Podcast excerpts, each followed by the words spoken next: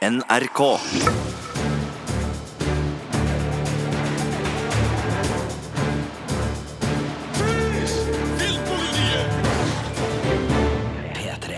Vi gleder oss til å snakke om film og en serie i atskillig mange minutter. Vi, det er Birger Vestmo. Og Sigurd Vik. Og i dag så har vi tenkt å gå igjennom norgespremierene på kino i alfabetisk rekkefølge. Og hvorfor gjør vi det, Sigurd? For det er så mange at det var den eneste måten å holde kontroll på det på. Var ikke derfor? Ja, det var egentlig litt tilfeldig, men når de først ble satt opp alfabetisk, så hvorfor ikke gjennomføre det, liksom? Ja, For det er ei ganske bra rekke med premierer nå. Nå er liksom kinohøsten skikkelig i gang. Eh, Du kan eh, ramse opp, du som har alfabetet foran deg. Vi skal snakke om Beast, Black Clansman, Blindsone, De utrolige to og En dommers bekjennelse. Ja, Og så må vi ta en liten serieprat om Disenchantment, som er Matt Gronings, altså selveste Simpsons og Futurama-skaperens siste serie, som er ute på Netflix. Det er òg en del nyheter fra film- og serieverdenen som vi skal innom i slutten av denne podkasten, og noen stikkord der er James Bond, Top Gun 2 og Veronica Mars, så heng med dagens filmpoliti. Vi starter med en kikk på filmen Beast. Sweetheart, you can't just change the rules because someone's shown an interest. Maybe I've been too soft on you. You're a good person, Lo. You don't know me. I know that people make mistakes. Ok, Beast heter altså filmen som er en av denne helgas kinopremierer, og den har du sett, Sigurd? Det har jeg, og det var en eh, glede, rett og slett, å se Beast. Det er en eh, film som foregår på den eh, britiske kanaløya Jersey, kjent blant annet for Burjack for de kriminteresserte av oss, og er også da et, et, en turistattraksjon. Der er det en ung pike som heter Moll, som jobber som guide for turister, men hun er også hjemme og pleier sin eh, demente far. Eh, Bor da sammen med mor og søster også, og er en kua skapning. Det har skjedd et eller annet i fortida til Moll som vi ikke er helt sikre på, som gjør at hun er liksom familiens eh, eh, Hva skal man kalle det? Altså sånn, den, den som Nesten sånn Askepott, som må liksom både vaske opp og, og gjøre det hun får beskjed om, og får ikke lov til å ha sitt eget liv. Men så møter hun da en ung mann på denne øya som hjelper henne ut av et lite knipe, og faller da hodestups forelska i han. Eh, eh, Så viser det seg at han er mistenkt eh, for flere drap på unge piker, og dermed så er det jo ikke bare familien som prøver å ødelegge forholdet, politiet stikker også nesa inn i det. Så mye mer om handlinga tror ikke jeg har lyst til å si, men det er da en psykologisk thriller møte britisk seriemorderkrim, det her på papiret. Ja, Det jeg sitter og lurer på nå, er finnes det en figur i denne filmen som heter Dur? Eh, nei, eh, men artig med musikalsk preferanse. Jeg har også vært eh, moro. Et familieliv i moll har jeg da kalt det her. eh, familielivet i anmeldelsen som ligger ute på, på p3.no, fordi det er en ganske sånn trist familiesituasjon som, som Moll finner seg i. Men filmen er ganske spesiell, og det er mye på grunn av Michael Pearce, som har både skrevet manus og regissert. Det her er hans eh, spillefilmdebut, og det er tydelig at det her er en filmskaper som virkelig har lyst til å meisle seg ut eh, egen, eh, sitt eget univers her. Han låner en del fra mestere som David Lynch, og han skjemmes ikke over det. Her er det tydelige nikk. og han låner også litt fra, kall det indie-filmens glede over sånne stiliserte scener som får god plass i filmer. For eksempel eh, sånn eh, en, en sånn strandlek hvor eh, bølgeskvulpet og dansen mellom to mennesker plutselig vies et minutt. Det er jo ikke sånn som seriekrimsjangeren ofte gjør, men det her er en filmskaper som tar seg tida til sånne stemningsskapende, og så bruker han også mye tid på det psykologiske og det litt sånn tilbakeholdende, drømmende, og, og lage en del sekvenser som spiller veldig på hvem av fortellerstemmene her er troverdig, hvem kan vi stole på, og bruke da filmspråk eh, som, som gir det der både ubehag og, og uvisshet. Så en, en veldig spennende stemme som eh, vil veldig mye. Han har nok for mange gode ideer til at det her blir en eh, perfekt film, dessverre, fordi han starter veldig mye som han ikke klarer å fullføre, og filmen er ikke helt fullendt verken som krim eller som psykologisk thriller. Det blir en slutt som kommer litt sånn Oi! Ja, OK. Um, ja, ja, ok, ja, ja, ja. Jeg skal ikke si så mye mer om det, men, men den, er, den, er, litt brå, slutten, og den, den får ikke fanga alle trådene på en veldig tilfredsstillende måte. Men uh, underveis så er det veldig artig, og det er lenge siden jeg har vært så spent både på uh, hvilken sjanger vi egentlig er i, og uh, hvor etterforskninga egentlig går, som underveis da i, i Beast. Og så må det også nevnes skuespillerne uh, Uh, Johnny Flynn og Jesse Buckley. Jesse Buckley Kjent annet fra Tabu-serien til, til, Tom Hardy. Veldig lovende skuespillerpar som virkelig er karismatisk og sjarmerende og fin som det her outsider-paret på, på, Jersey, som er våre to hovedpersoner. Så, så mye godt der. Jeg ble jo litt interessert da du nevnte at uh, filmen er innspilt på Jersey, som du sjøl var inne på. Det var jo eh, øya der eh, Bergerac herja på 1980-tallet i en eh, serie som gikk på NRK, og som kanskje i hvert fall middelaldrende podkastlyttere husker. Men jeg minnes den serien fordi miljøet var jo litt annerledes og litt spesielt. Men hva tilfører det filmen at historien foregår på Jersey? Du får jo det der lukka lokalmiljøet veldig godt. Det er et lokalmiljø som får mye smak gjennom at hun er turistguide, for da får du fanga på en måte øyas skjønnhet, og du skjønner også veldig kjapt at her er det ulike Her er det både innflyttere og, og dem som har bodd der veldig, veldig, veldig lenge. Eh, og eh, i motsetning til Bergerac, da, som var en briljant etterforsker, så er jo det lokale politiet også av sorten som eh, man kan kjenne igjen fra litt sånn lensmann- og sheriff-filmer, hvor de ikke akkurat er de skarpeste knivene i skuffa og har såpass mange fordommer basert på at de kjenner lokalmiljøet så godt eh, at det blir vanskelig for dem å se bortafor eh, de opplagte mistenkte. Ja. Eh, og også familiedynamikken spiller jo veldig på at det her er et lokalsamfunn. Ikke skjem oss ut, jenta mi, nå må du slutte, må du gjøre sånn fordi mor di blir så Ja. Så det, det lokalsamfunnet er eh, veldig godt, og uh, visuelt så er det jo veldig tydelig at vi er ved sjøen, uh, ja. så de får mye ut av det sånn rent sånn filmkunstmessig. Og for de som skulle lure på det, så er altså Jersey en uh øy som tilhører England. Ligger da farlig nær eh, den franske Normandie-kysten, men altså da en britisk eh, øy og et eh, yndet turistmål. Så det er altså filmen Beast, og hvordan skal du konkludere her, og hvilken terning skal filmen få? Altså, Filmen er en soleklar anbefaling, men jeg får ikke meg til å gi noe bedre enn terningkast fire. Fordi den er ikke fullendt nok til det, verken historiemessig eller uh, idémessig. Men absolutt en film jeg anbefaler å sjekke ut for de som er glad i film. Og uh, så merker vi oss navnet, Birger. Uh, Michael Pearce. Spike Lee er et annet navn som mange har merka seg fra gammelt av. En veteran i bransjen som nå er ute med en ny film. Den heter Black Clansman. Hello, this is Ron Stallworth calling. Who am I speaking with? This is David Duke. Grand Wizard of the Ku Klux Klan. That David Duke? God. Last time I checked. What can I do you for? Well, since you asked, I hate blacks. I hate Jews, Mexicans, and Irish, Italians, and Chinese. But my mouth to God's ears, I really hate those black rats. And anyone else, really, that doesn't have pure white Aryan blood running through their veins. I'm happy to be talking to a true white American. God bless white America. Her hørte vi John David Washington, sønn av Denzel Washington, i rollen som Ron Stallworth.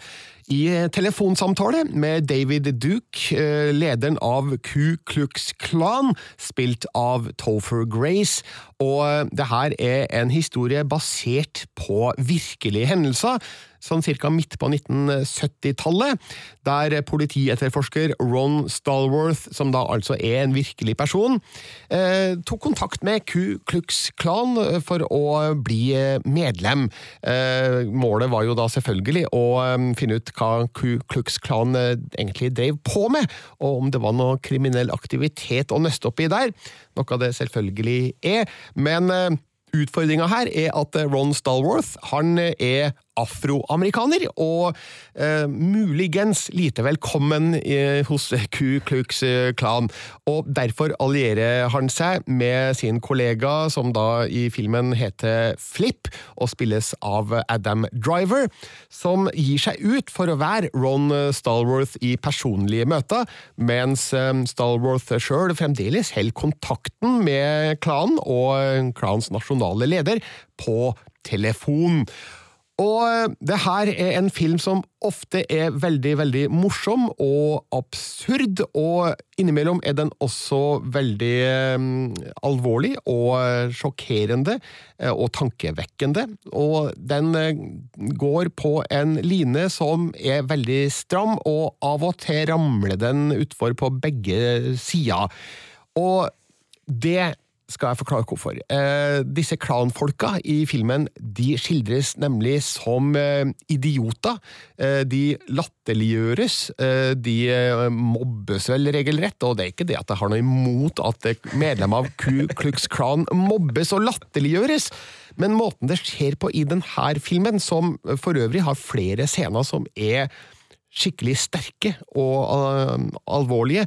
Uh, ringvirkninga her er at jeg tar dem ikke så seriøst. Uh, de blir på en måte ufarliggjort gjennom måten Spike Lee har valgt å skildre dem på her. de blir overkarakterisert, på en måte. Eh, overkarikert, det kan, heter det kanskje.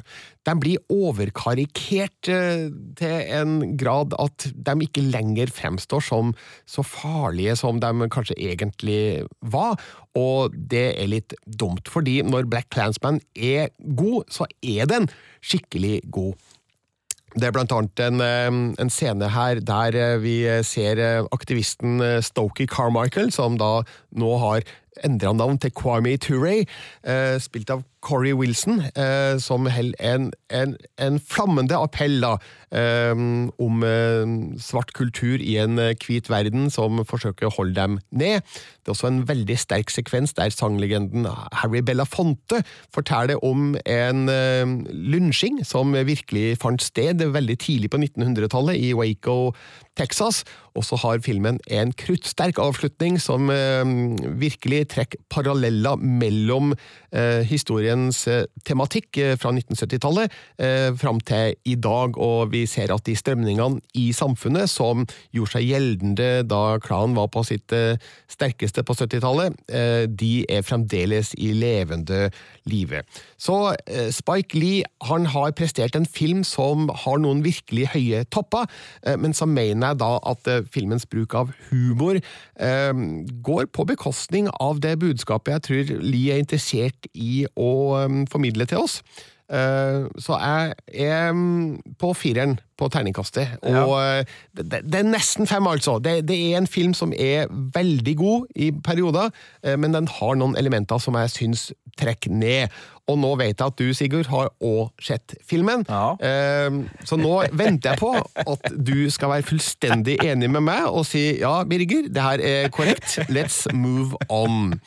Men hva syntes du da om Black Clansman? Jo, jeg øh, syns det var en veldig, Altså, det er en av de kuleste Spike Lee-filmene jeg har sett på en god stund. Uh, kanskje hans beste siden 25th Hour, som uh, var en godbit fra, fra starten av 2000-tallet. Blant annet skrevet av uh, Benioff, som har Game of Thrones-suksess siden.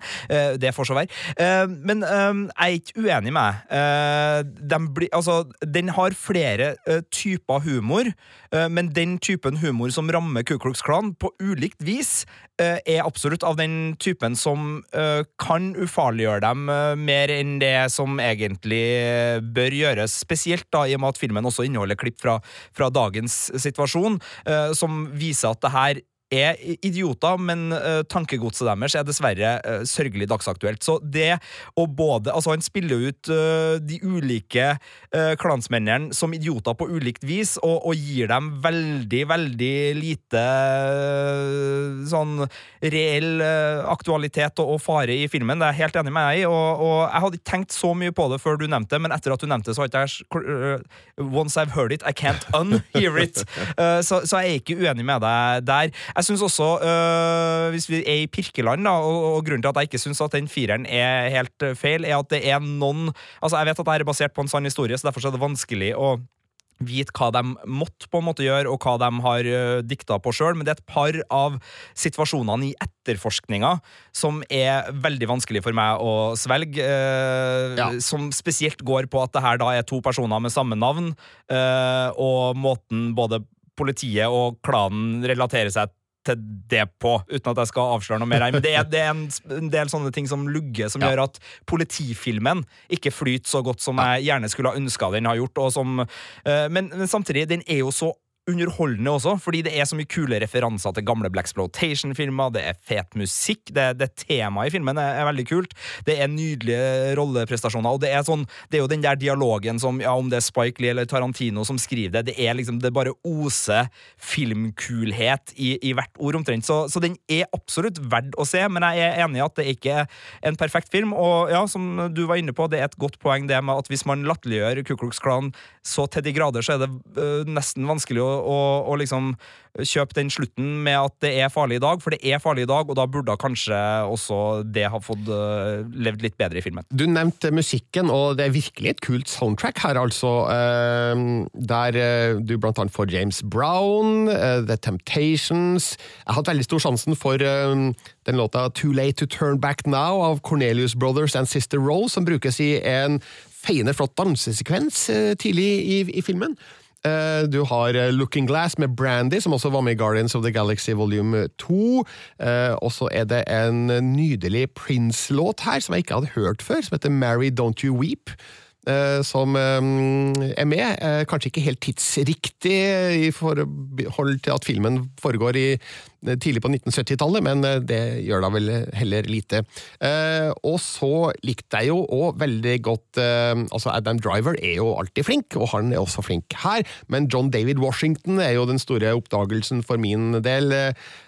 Ikke lagt merke til han før, men han er jo altså da sønn av Denzel Washington, og eh, hvis man vet det, så er det jo ikke vanskelig å se en viss likhet, og ikke minst høre en likhet for at han har stemmen til far sin. Han øh, tenk, jeg, det, Når du sier det, ja. Og øh, jeg var ikke klar over det før vi kom tilbake på kontoret, og du bare sånn Hva syns du om sønnen til Denzel? Og jeg bare sånn Hæ, var det Det var sønnen til Denzel, ja! Jeg tenkte ikke over det, men øh, han var virkelig et funn.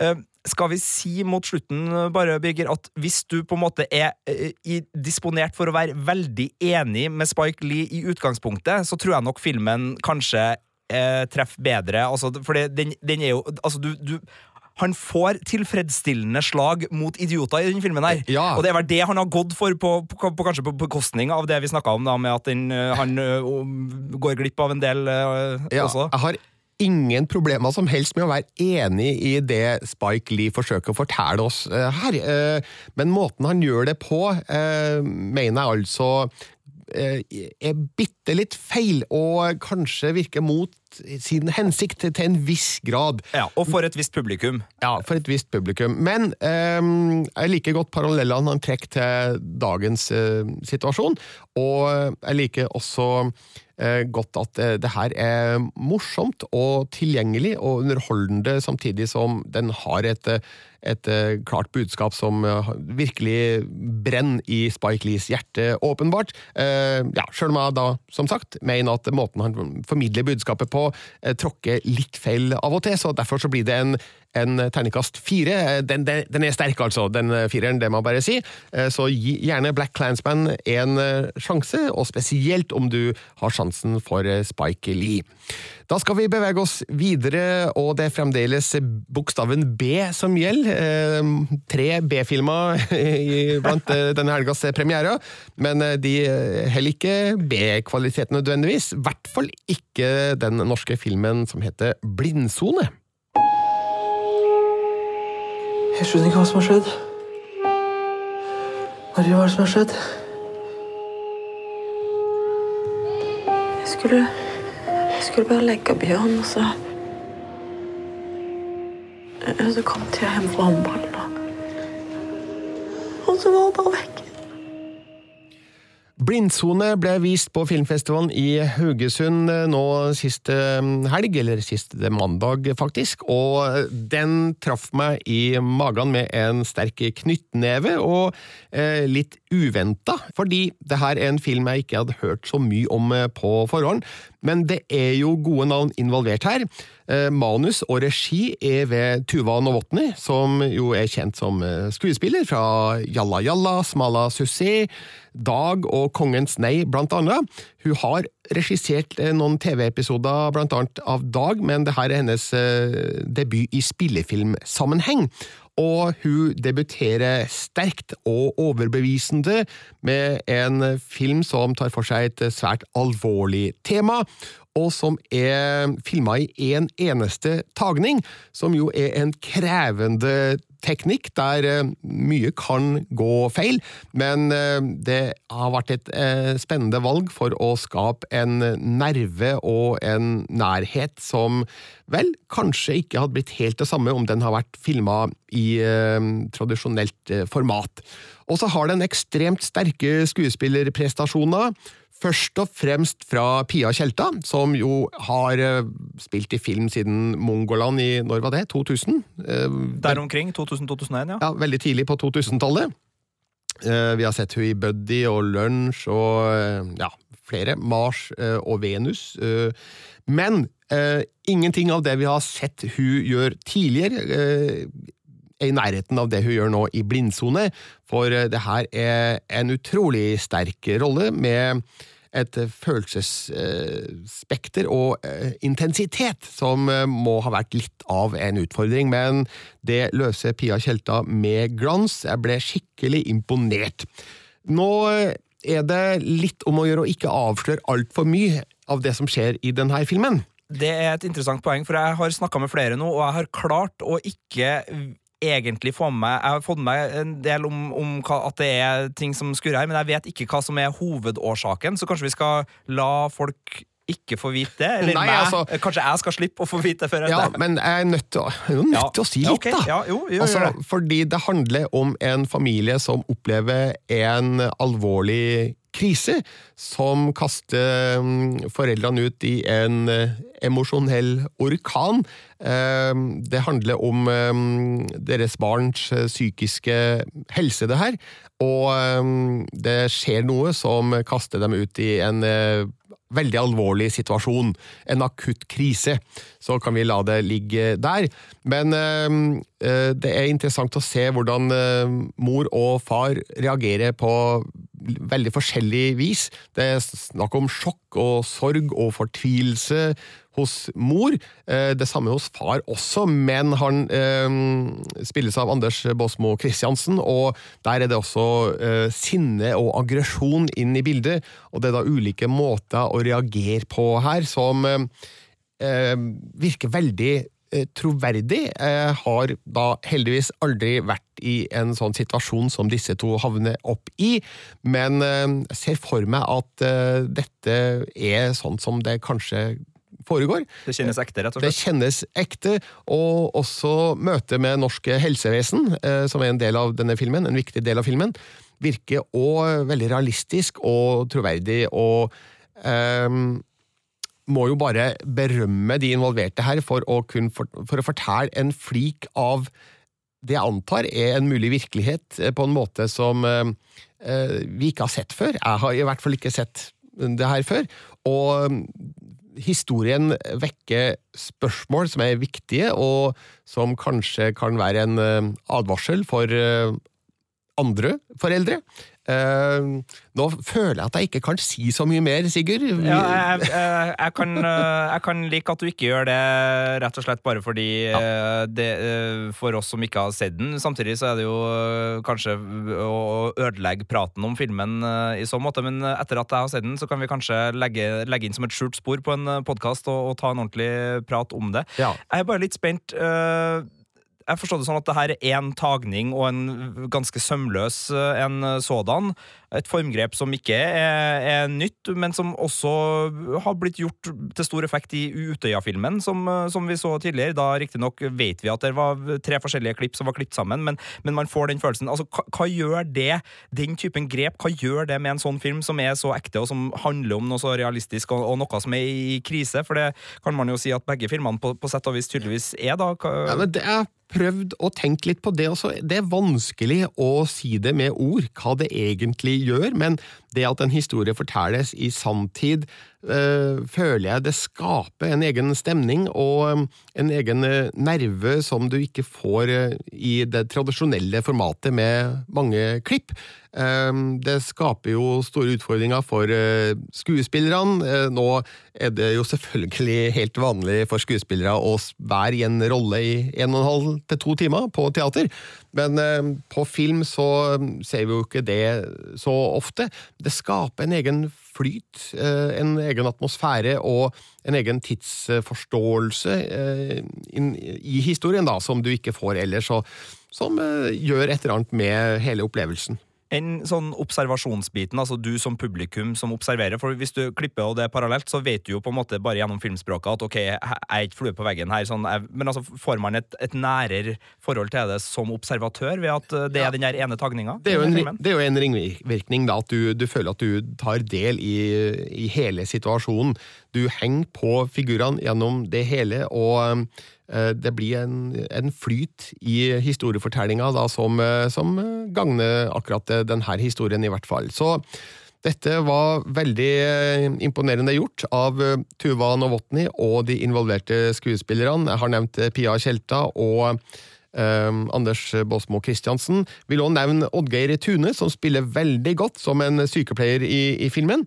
Uh, og også um, Per Frisch, som er en veteran i norsk uh, film og teater, som er formidabel i uh, sin birolle som farfaren i denne historien. Og den er full av sterke inntrykk og gripende øyeblikk, og det er en film som um, du ser i eh, tystnad, og etterpå så reiser du deg rolig, og så går du ut, og så snakker du ikke så veldig mye om det du har sett. Ja, Så det her er en sterk eh, terningkast fem.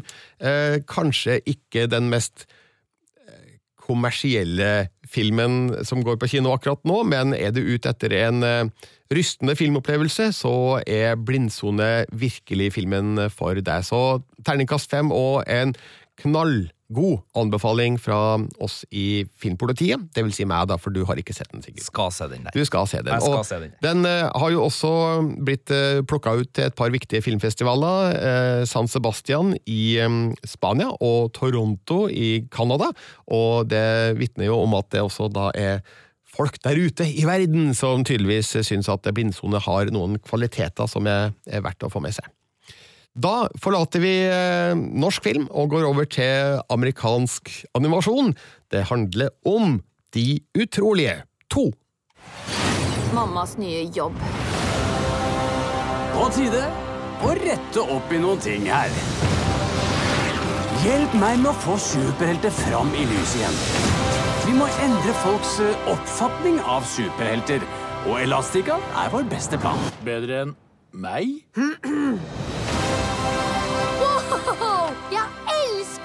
elsker jo! Ha det, elskling. Jeg skal passe ungene, null problem.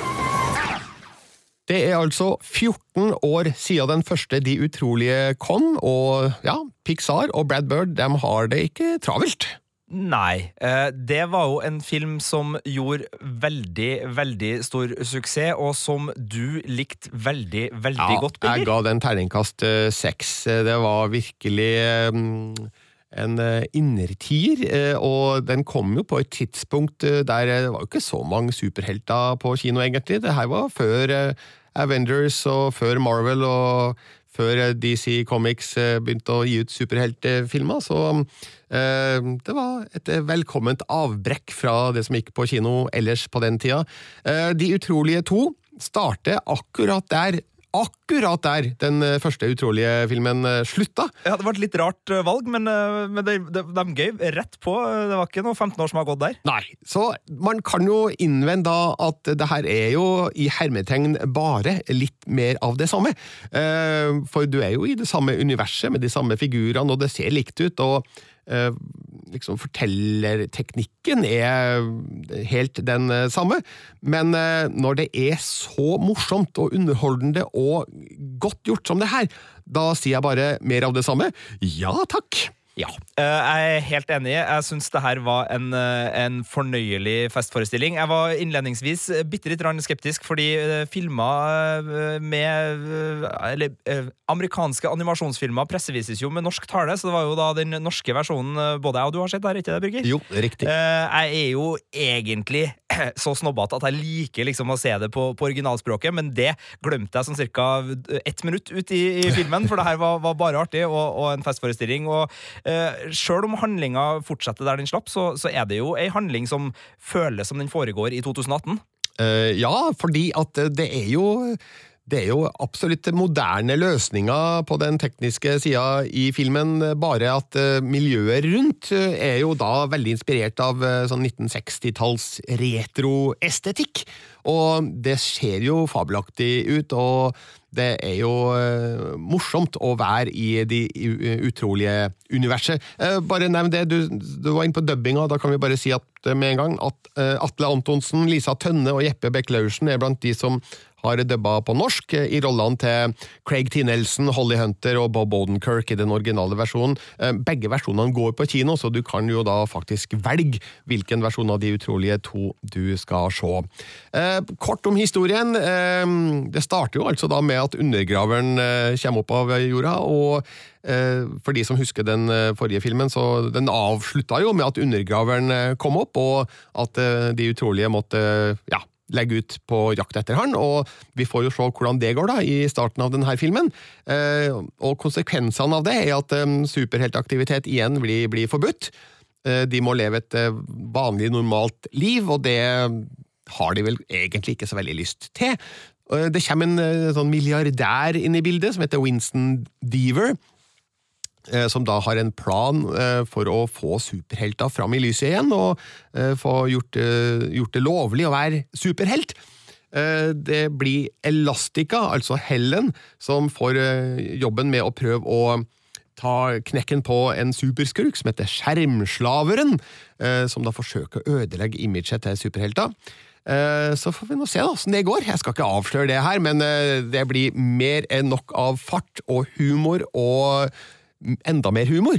Samtidig som eh, vi får en del sånn familieproblematikk. eh, eh, Spesielt da Bob, herr utrolig, han må jo være hjemme da med ungene. og det har han litt eh, problemer med. Altså, der, der er det mange hyllende morsomme situasjoner. Ja, og der er Atle Antonsen god. Altså, øh, Hvis det er én mann jeg skulle ha valgt ut øh, til å være øh, frustrert og tidvis aggressiv, sint og, og så langt unna å eksplodere familiefar, så er det Atle Antonsen. Det her behersker han med en, en stemmedynamikk og, og en variasjon i uttrykket som er rett og slett bare voldsomt imponerende. Det er så mye uh, følsomhet og uttrykk i den stemmebruken at det er Ja, en, en, bare den alene er en, en verd kinobilletten. Det var virkelig en, en fryd å følge, altså. Eh, bare for å nevne kort om det han har å stri med da, hjemme. Eh, Dattera Voletta hun eh, er jo da eh, hormonell tenåring, og eh, hun har en eh, en gutt som hun har et godt øye til. Eh, Det blir noen eh, forviklinger der. Eh, Og så er det jo da lille Jack-Jack som er i ferd med å utvikle sine superkrefter, som som manifesterer seg veldig spontant, på ulikt vis. Forårsaker mye komedie. Og så er det det jeg kjenner meg aller best igjen i her, da. Det er jo at han må hjelpe sønnen Dash med mattelekser, som er helt uforståelige, fordi de, de lærer jo matte på en helt annen måte nå enn de gjorde før. Sigurd, Er det Sigurd, sant? Sigurd, det er akkurat sånn det er!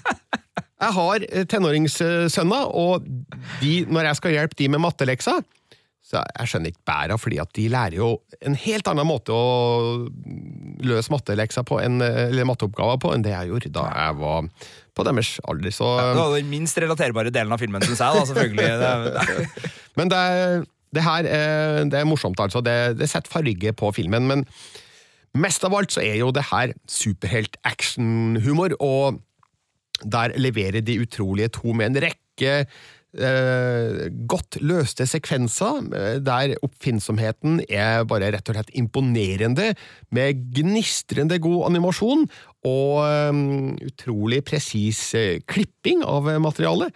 Og lydsporet er en drøm, både på effektfronten og musikken til Michael Giacchino. Så jeg koste meg veldig veldig godt på De utrolige to. Eh, skal jeg ha et ankepunkt her, da? Jeg, Ja, ja, ja. jeg har jo trukket eh, ned til terningkast fem, bare for å si det.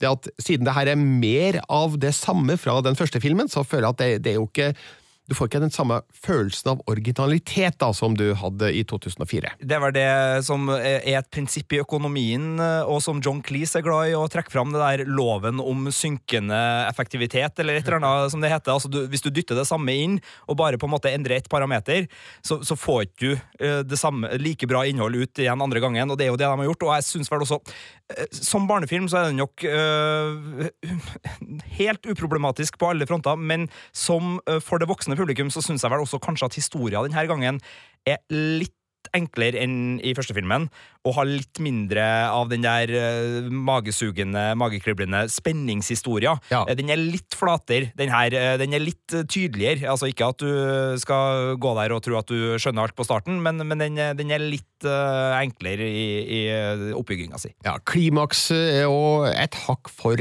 enkelt, men det er like fullt morsomt og spennende, så eh, terningkast fem til De utrolige to, eh, en sikker suksess på kino. Vi har én eh, norgespremiere igjen. Den heter En dommers dilemma. My name's Fiona May. But in court, it's my lady. I'm always too busy. The law can take over your life. You coming to bed? Is tomorrow the case? Okay. My lady, they're ready for you.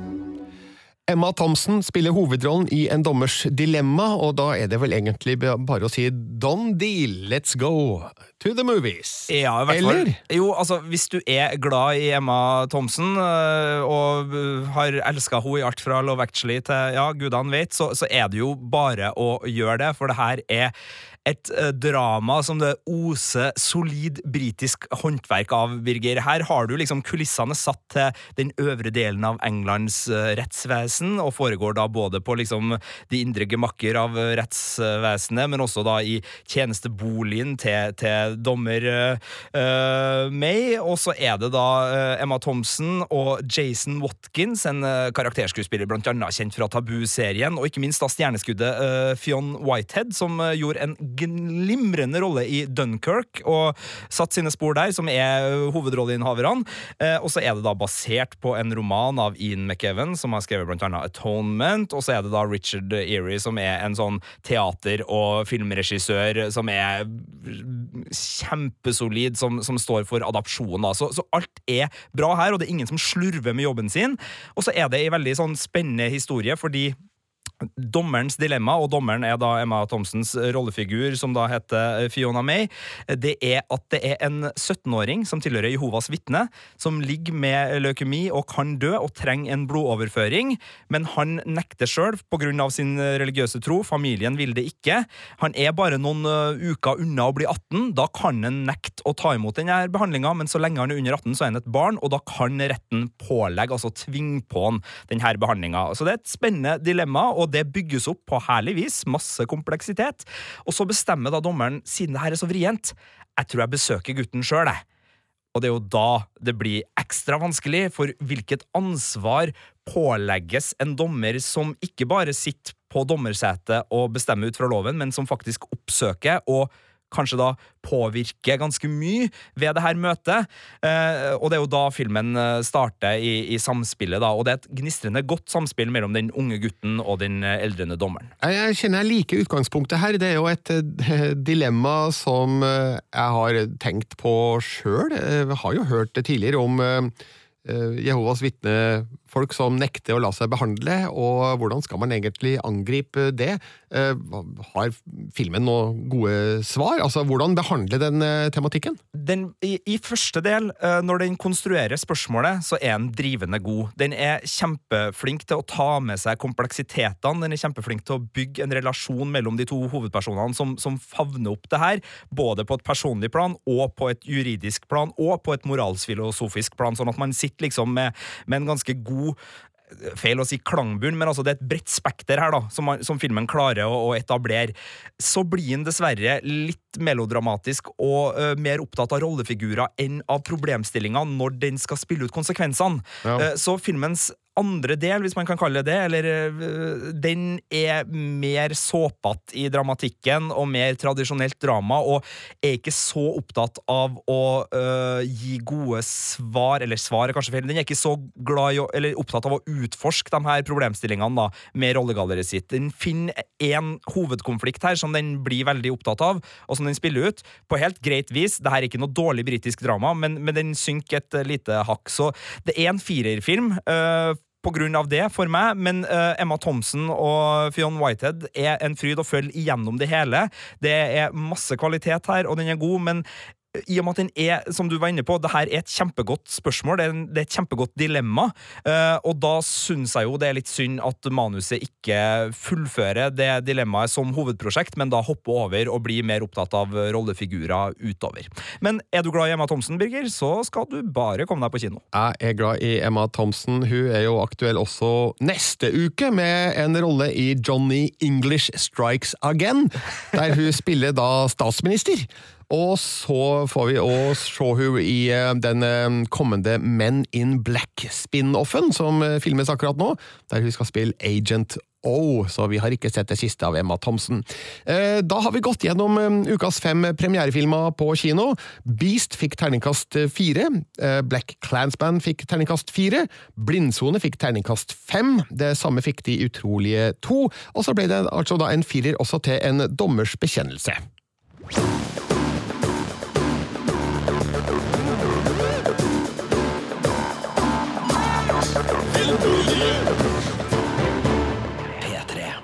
Og så har du sett en eh, serie, Sigurd.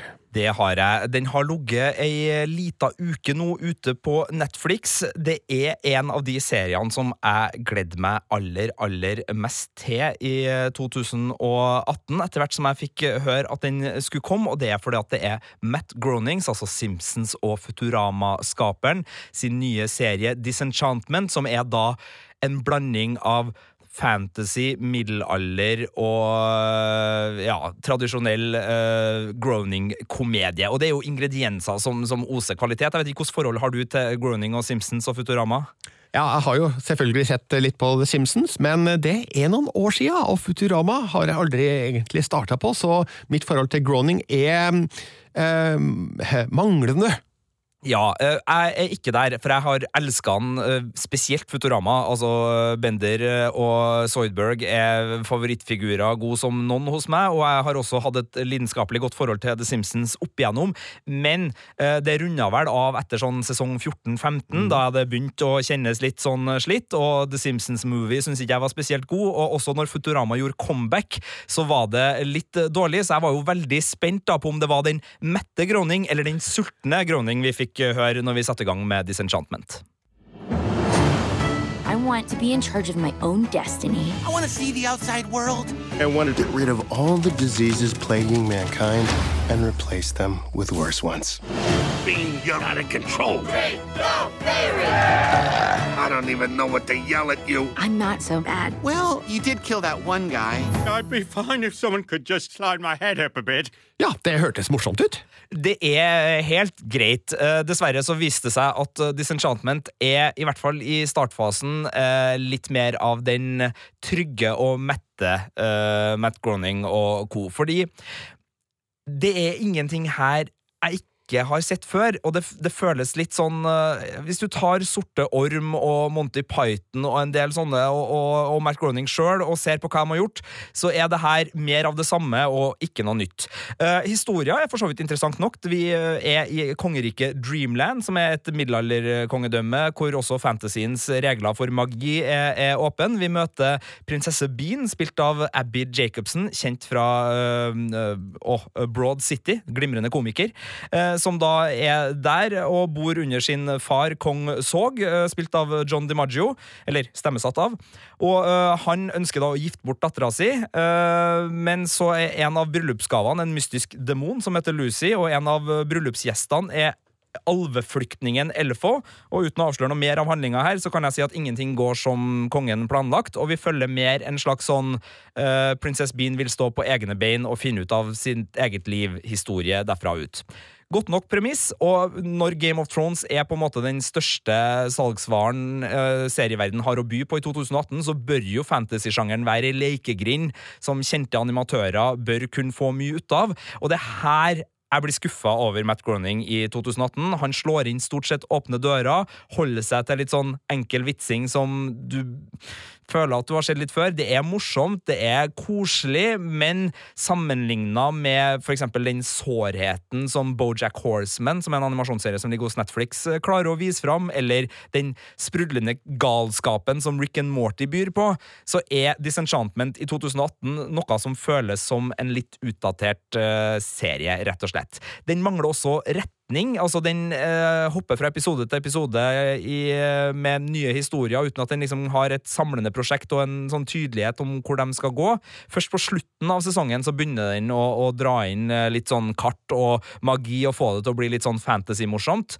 Så nei, jeg, jeg, vet at mange syns det her var, var koselig, og for fansen så er det absolutt mye å kose seg med her. men det er rollefigurer som gjentas, det er vitser som gjentas, det er stil som gjentas, og da ah, Birger. Nemlig. Det her hørtes ut som eh, sånn terningkast eh, tre? Ja, det ble det, og det er fullt mulig å synes at det er et rasshøl som gir terningkast tre på den her, og hvis man ser på liksom fandomen nå, så er den altså den har gode tall på IMDb, der ligger den vel på en drøy sjuer nå, tror jeg, og uh, Google users 93% liker dette, men ned på, på kritikernivå så er vi ned på en sånn 50 %-greie, ser jeg. Den har fått veldig sånn blanda lunken mottakelse over hele fjøla, og det er nok fordi at er du fan, så er det her kjempekoselig sånn frossenpizzaselskap, og du får mer av det du likte med Matt Groening, men hvis du har litt dårlig tid i serieplanlegginga di og vil ha litt sånn relevant og, og friske perspektiver, så er det her litt for slapt til å fungere nå.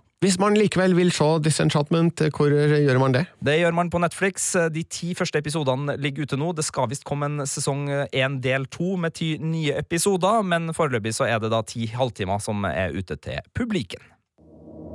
Filmpolitiet da skal vi over til et par, tre-fire interessante nyheter fra film- og serieverdenen. Og aller først så kom det jo en melding denne uka om at eh, regissør Danny Boyle han skal likevel ikke regissere den eh, neste James Bond-filmen, som skulle starte innspillinga allerede i desember.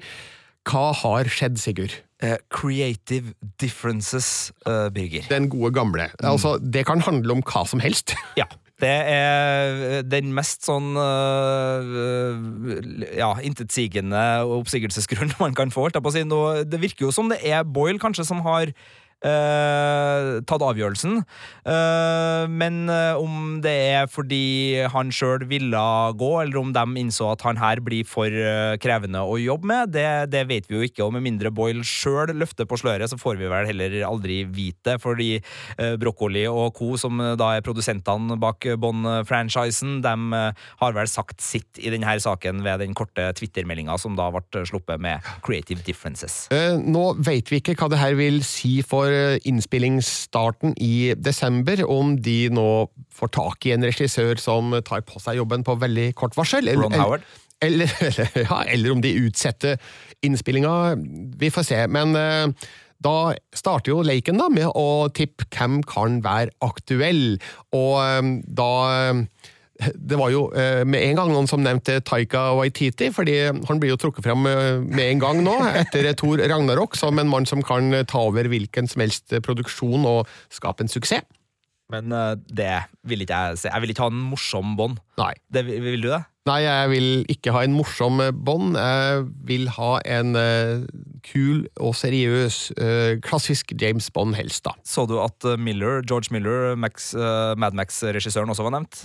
Blant, eller ønska av enkelte? Ja, det hadde jo vært et morsomt valg, det. Han har jo ikke gjort noe som jeg vet etter Mad Max Fury Road, så det er kanskje på tide at han får bryna seg litt på noe skikkelig action igjen. Jeg tror biljaktene vil ta seg opp kraftig. Det kan godt tenkes, og så skal alt foregå i en ørken. Ja, og alle fiendene fra Bond-universet opp igjennom i sånn jagende der Bond kjører trailer først. Ja, nemlig. Så uh, gjerne for meg. Men uh, andre tungvektere Altså, jeg føler jo at det er mest sannsynlig at det er en, en tungvekter, en veteran, som får jobben. Jeg ser ikke helt for meg at de skal la en Bond-film gå til en uh, fersk regissør, men Christopher Nolan kunne ha vært et uh, valg. Uh, jeg har jo stor sans for Catherine Bigelow. Um, hva, er, hva, gjør Steven Spielberg for tida, da? Han er vel fullt opptatt med West Side Story-nyinnspilling og den neste Indiana Jones, så vi får vel legge vekk han. Ja, og så er det jo noe med, med både Nolan og Spielberg. Er det regissører som vil komme inn i en sånn setting, eller vil de være med og påvirke manus litt tidligere, kanskje? Og, for, det, for manuset til John Hodge ligger jo klart her nå, og, og mye er vel uh, i gang? Jeg ser ikke for meg de som uh, hired guns som kommer inn og tar over en produksjon. Um, hva med Ryan Coogler, som laga Black Panther? Han er muligens opptatt med å forberede andre ting, men uh, han kunne vært en interessant fyr å få inn bak kamera. Uh, hvis vi heller oss i superheltunivers, Patty Jenkins, få inn en kvinnelig regissør av en Bond-film, det har vel ikke skjedd før? Så det hadde jo vært en mulig arvtaker. Ja, jeg, jeg tror det, det, blir spennende å, å, se her. Jeg tror nok også de går for et etablert, men øh, ja, kanskje ikke veldig stort navn. Altså en Er det Alfredsson, vår kjære Tinker Taylor Soldier Spy, Snømann-regissøren, heter det? Ja, eh, Kunne jo være en karrierecomeback eh, kjapt opp fra, fra Jo Nesbø-manuset der, da. Litt kort tid etter Snømannen, føler jeg, men øh, vel, øh, skal aldri si aldri. Altså Tinker Taylor Soldier Spy, eller Muldvarpen som den het på norsk, den var jo en skikkelig bra og populær agentfilm, som vel bevega seg litt roligere enn en Bond-film gjør, men, men hvorfor ikke? De kan jo også velge å henvende seg til en av de gamle Bond-regissørene, som uh, har vist før at de uh, kan ting. Martin Campbell, for eksempel, han kickstarta jo både Pierce Brosnan og Daniel Craigs Bond-karriere. Han kan jo gjerne gjøre et comeback, og ellers så kan man jo se for seg at Sam Mendes lar seg overtale til å lage enda en Bond-film, for han viste jo både med Spekter og, og, Skyfall at uh, han har uh, et, et, talent, hvis man ikke har det fra før. Så mulig at det kan være en løsning. Vi får se. Det kan være noen helt andre enn noen av de vi har nevnt nå, men det blir i hvert fall ikke Danny Boyle, tydeligvis, som er ute av bånd nummer 25 på grunn av creative differences. Top Gun eh, nummer to er jo under innspilling nå. Eh, Top Gun Maverick eh, er vel arbeidstittelen, og nå har det kommet en del flere skuespillere med på rollelista. Er det noen kjente navn der, Sigurd? Ja, på, altså det er mange navn som har kommet, men, men, de to som virkelig virkelig får det til å bli begeistring hos meg, er jo John Ham, kjent fra Mad Men og rollen hans der som Don Draper, og også mye annet. Og så er det jo da Ed Harris, sist sett i Westworld, uh, oftest sett i The Rock, for min del. som er de to store navnene da, som ikke har fått roller vi vet hva skal gjøre ennå, så vidt jeg har fått med, i hvert fall, men de er da inn på ei rolleliste som også uh, inkluderer Levis Pullman, sist sett i Strangers Pray at Night, en forferdelig skrekkfilm som jeg anmeldte til terningkast to her uh, for litt uh, siden. og så er vel også Thomas Ginn McKenzie, Charles Parnell og flere bekrefta på ei rolleliste som vokser og vokser. Ja. Skal Tom Cruise være med? Ja, han skal være med. Ok. Du nevnte ikke han, skjønner. Nei, nei, nei, de var bekrefta for lenge siden. Nå Ja. tenkte jeg på de nye som har kommet Ja, denne nemlig. uka. Ja. Ja, ja, Eh, Kan vel nevne en viss Wall Kilmer også, som eh, skal, skal være med på moroa her. Jeg lurer veldig på hvordan eh, Iceman vil se ut i Top Gun nummer to. Det, det svaret får vi da en gang neste år. Det er vel 12. juli 2019 som er den amerikanske premieren, i hvert fall da på Top Gun Maverick. Skal vi sette en liten kronis på at Ed Harris spiller skurk, eller?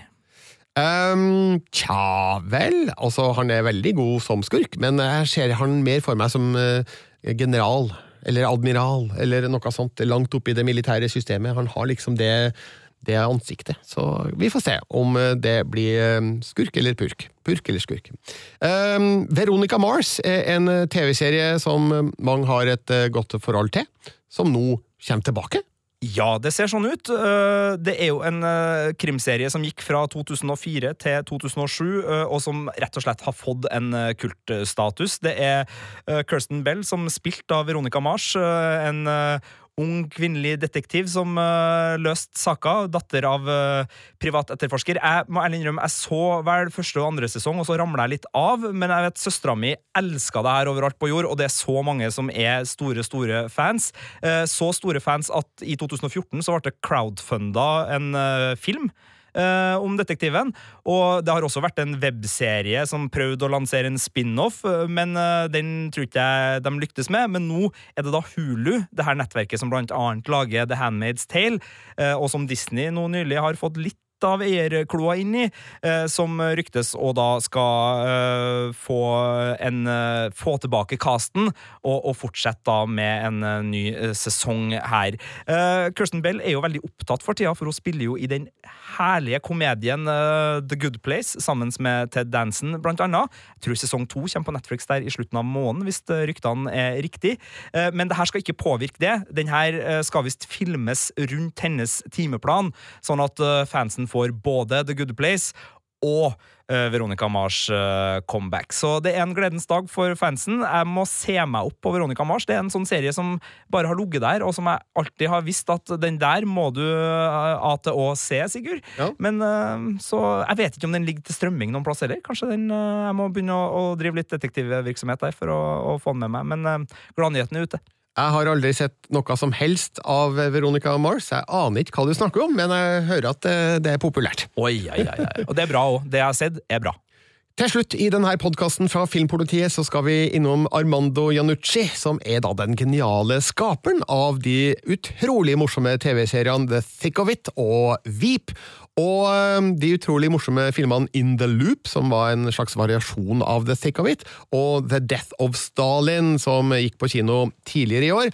Nå skal han lage eh, humor hos eh, HBO i verdensrommet! Ja, Avenue 5 er i hvert fall arbeidstittelen på hans nye sci-fi-komedie, som er bestilt til pilot og også manuskripter videre, så det her ser veldig sannsynlig ut at det blir en serie hos HBO. Og så er jo den store gladnyheten da, at uh, selveste Dr. House, Hugh Laurie, eh, har blitt med på det her eh, kalaset. eh, og skal da eh, være med i Avenue 5. Eh, han skal da spille Ryan Clark, the charming and in control American captain of the Avenue 5. Ja, og det er det eneste vi egentlig vet om, om hva innholdet her er. Det er det. Eh, han er jo ikke ukjent med komedie, den godeste Hugh Laurie. Han har jo eh, gjort eh, gode ting. Er, det, er han best i Blackadder-universet? Eller har du innvendinger der? Nei, jeg, jeg, Han var jo med i Vip òg, var ikke det? Ja, jeg tror jeg liker han best i de to Stuart Little-filmene. Se der, ja. Ja, ja, ja. Nei, men det Nei, du, du er det var et vanskelig spørsmål sånn på rappen, men eh, jeg er jo veldig glad i eh, Blackadder, er jo det, så jeg må si det. Ja, nei, men det er godt. Men uh, en kjempespennende kombo, rett og slett. Altså, det er da politisk satire, sci-fi og glimrende folk i skjønn forening hos en TV-produsent med uh, god komediestil for tida. Altså, jeg har akkurat eh, sett ferdig Barry, en av de Emmy-nominerte nye HBO-komediene av året. Insecure er kjempebra. Silicon Valley er Emmy-nominert for sin siste sesong. De har mye gode halvtimer for tida, mm. og den her eh, Avenue 5 må gjerne realiseres for min del. Den høres rett og slett fortreffelig ut. Da er denne podkasten fra Filmpolitiet over. Eh, Vi er sterkt tilbake om en uke. Da er det bare én eneste kinopremiere. Men hvilken premiere? Det er da snakk om den norske filmen Skjelvet, som åpna filmfestivalen i Haugesund sist helg, og som jeg allerede har anmeldt til terningkast fem. Du kan lese anmeldelsen på p3.no Filmpolitiet. Men eh, i neste ukes podkast så mm, skal vi diskutere skjelvet inngående, og mm, da får du alle sine meninger om mm, denne filmen. Eh, Alle, det er altså da undertegnede Birger Vestmo og Sigurd Vik som skal se om han er enig med deg med den her femmeren. Det, det, det er så lett å bli begeistra på festival, vet du, Birger. Ja, Dere som var i. Haugesund her, rydd femmerne ut. Men nå skal vi sette oss ned i kinomørket og, og analysere og virkelig se om det her er så bra som eh, folk skal ha det. Ja, Svaret får du om en uke. Takk for at du lasta ned og lytta på det her. Gi oss veldig gjerne en um, rating og en kommentar um, på podkasten der du henter podkasten, og så sender du oss en e-post om du lurer på noe. Det gjør du. Bare skriv til filmpolitiet alfakrøll nrk.no, eller kontakt oss på Twitter eller P3s Facebook. Det er mange veier til Rom. Følg oss også på Instagram. Vi legger ut daglige bilder og kommentarer og snutter og nyheter og anmeldelser der, så er du fullt oppdekka. Tusen takk igjen, og ha en fin uke. Du finner flere podkaster på p3.no podkast.